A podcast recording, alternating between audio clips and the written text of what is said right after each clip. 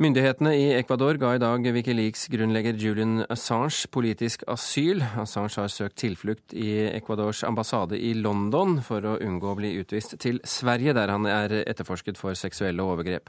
Storbritannia truer nå Ecuador med å storme ambassaden for å arrestere Assange. I think the, the Foreign Office have slightly overreached themselves for both practical and legal reasons. And the practical De skyter nok lite grann over mål, sier Tony Brenton. Storbritannias tidligere ambassadør i Moskva er svært overrasket over trusselen fra det britiske utenriksdepartementet. Hvis myndighetene skal kunne gå inn i andre lands ambassader etter eget forgodtbefinnende, ja, da blir livet for våre diplomater svært vanskelig, og det blir nesten umulig å drive normalt diplomatisk arbeid, sier Brenton til BBC. Det er striden rundt Julian Assange som har ført til den bitre konflikten mellom Storbritannia og Ecuador. Assange er mest kjent som grunnlegger av nettstedet Wikileaks, som har offentliggjort tusenvis av hemmelige dokumenter, bl.a. om USAs krigføring i Afghanistan og Irak. Come on, fire.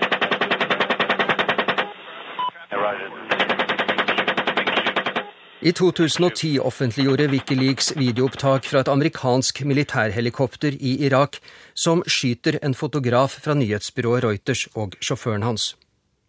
Samme år besøkte Julian Assange Sverige, og det er her han angivelig skal ha begått seksuelle overgrep mot to kvinner. Svenske myndigheter begjærte ham utlevert, og i juni i år stadfestet britisk høyesterett at han skal utleveres. Noen dager etter søkte Assange tilflukt i Ecuadors ambassade i London og ba om politisk asyl.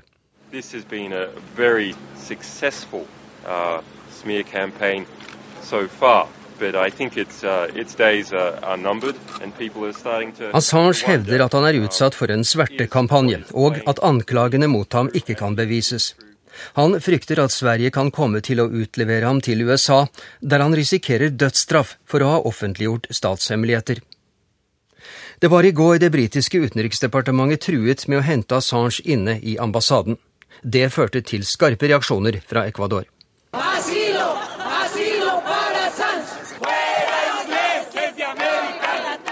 Demonstranter ropte slagord mot Storbritannia utenfor den britiske ambassaden i hovedstaden Quito.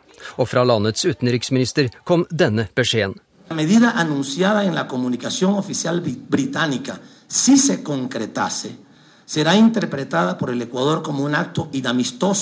Hvis Storbritannia gjør alvor av dette, vil Ecuador betrakte det som en uvennlig og fiendtlig handling og et angrep på vår suverenitet, sa landets utenriksminister Ricardo Patino.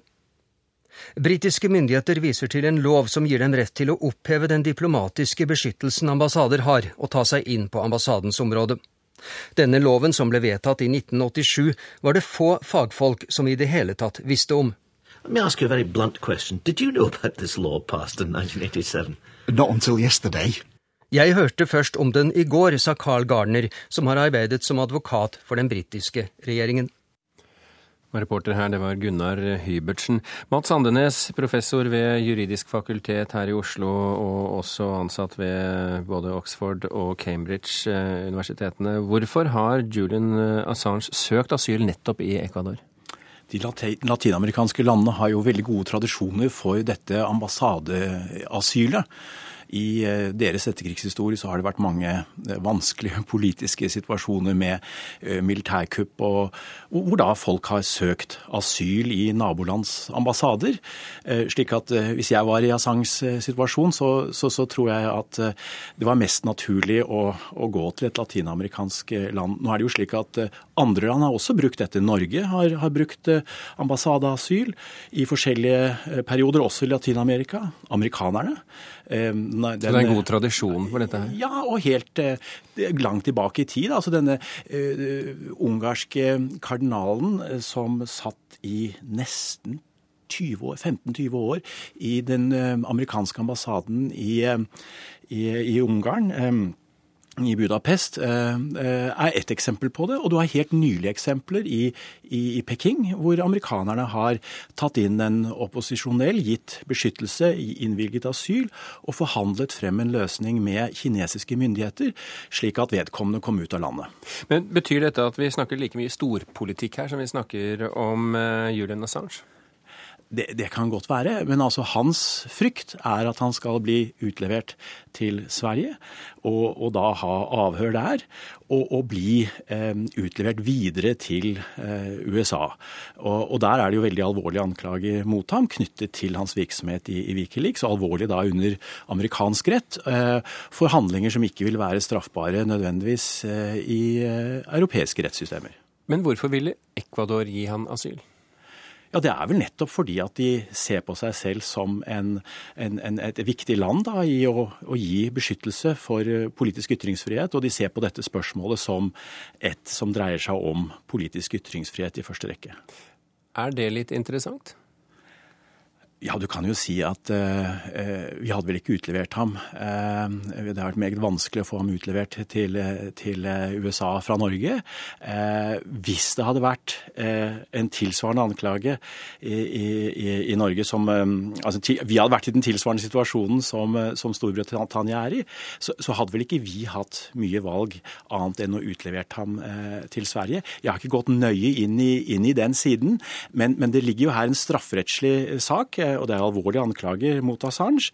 Hans frykt er at denne saken da i Sverige blir brukt til å få ham utlevert til um, USA. Og, og, og, det er grunnlaget for at Ecuador har, har gitt ham dette asylet. De, de, vil beskytte ham som en som har brukt den politiske ytringsfriheten. Men, men er det praktisk mulig for ham å, å forlate ambassaden i London og fly til Quito? Det er da slik at eh, han har ingen beskyttelse på gata i Storbritannia. Den beskyttelsen Ecuador kan gi ham i Storbritannia, er innenfor ambassaden. Eh, men, men, da har jeg dette eksempelet da, med denne ungarske kardinalen som satt i 15 år. I, så han kan bli sittende lenge her så han kan bli sittende lenge. Men, men, så har du da også disse mer moderne løsningene, altså f.eks. Eh, amerikanske ambassaden i, i, Peking, hvor de da altså forhandlet, eh, kom frem til en løsning med kineserne. slik at at vedkommende opposisjonelle fikk eh, reise ut og, og befinne seg vel i dag i USA. Rune Ottosen, professor i journalistikk ved Høgskolen i Oslo og Akershus. Eh, mediene har jo nytt godt av lekkasjene fra Wikileaks. Eh, hvordan forholder de seg nå til forfølgelsen av Julian Assange?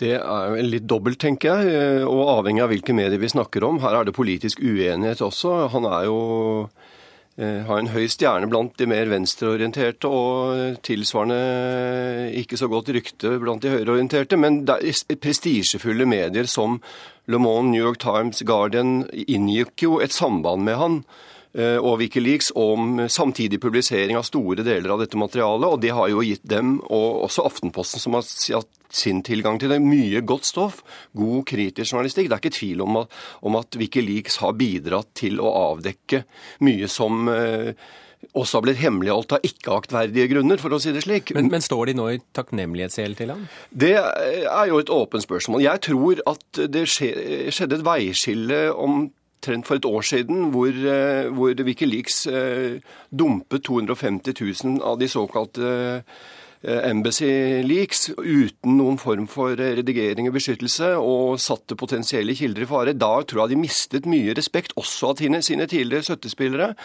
Og det har jo også vært kritisk eh, spørsmål rundt Wikileaks som organisasjon med mangel på åpenhet. Og han har vel ikke håndtert eh, denne anklagen om seksuelle overgrep på en veldig overbevisende måte, som også har bidratt til å svekke han. Så jeg tror dette er veldig dobbelt. Men dersom han nå blir utlevert i, til slutt til USA, hvor stort eller er det eh, et angrep på ytringsfriheten?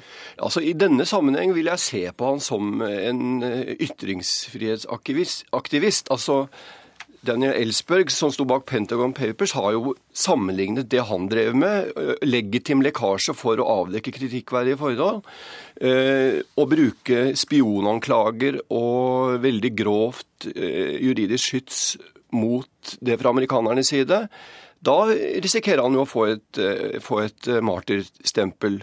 Og da får jeg assosiasjoner til norske myndigheter som brukte spionparagrafen mot uh, Ny Tid, Klassekampen og ikke-vold mot helt legitime uh, sikkerhetspolitisk kritisk reportasje.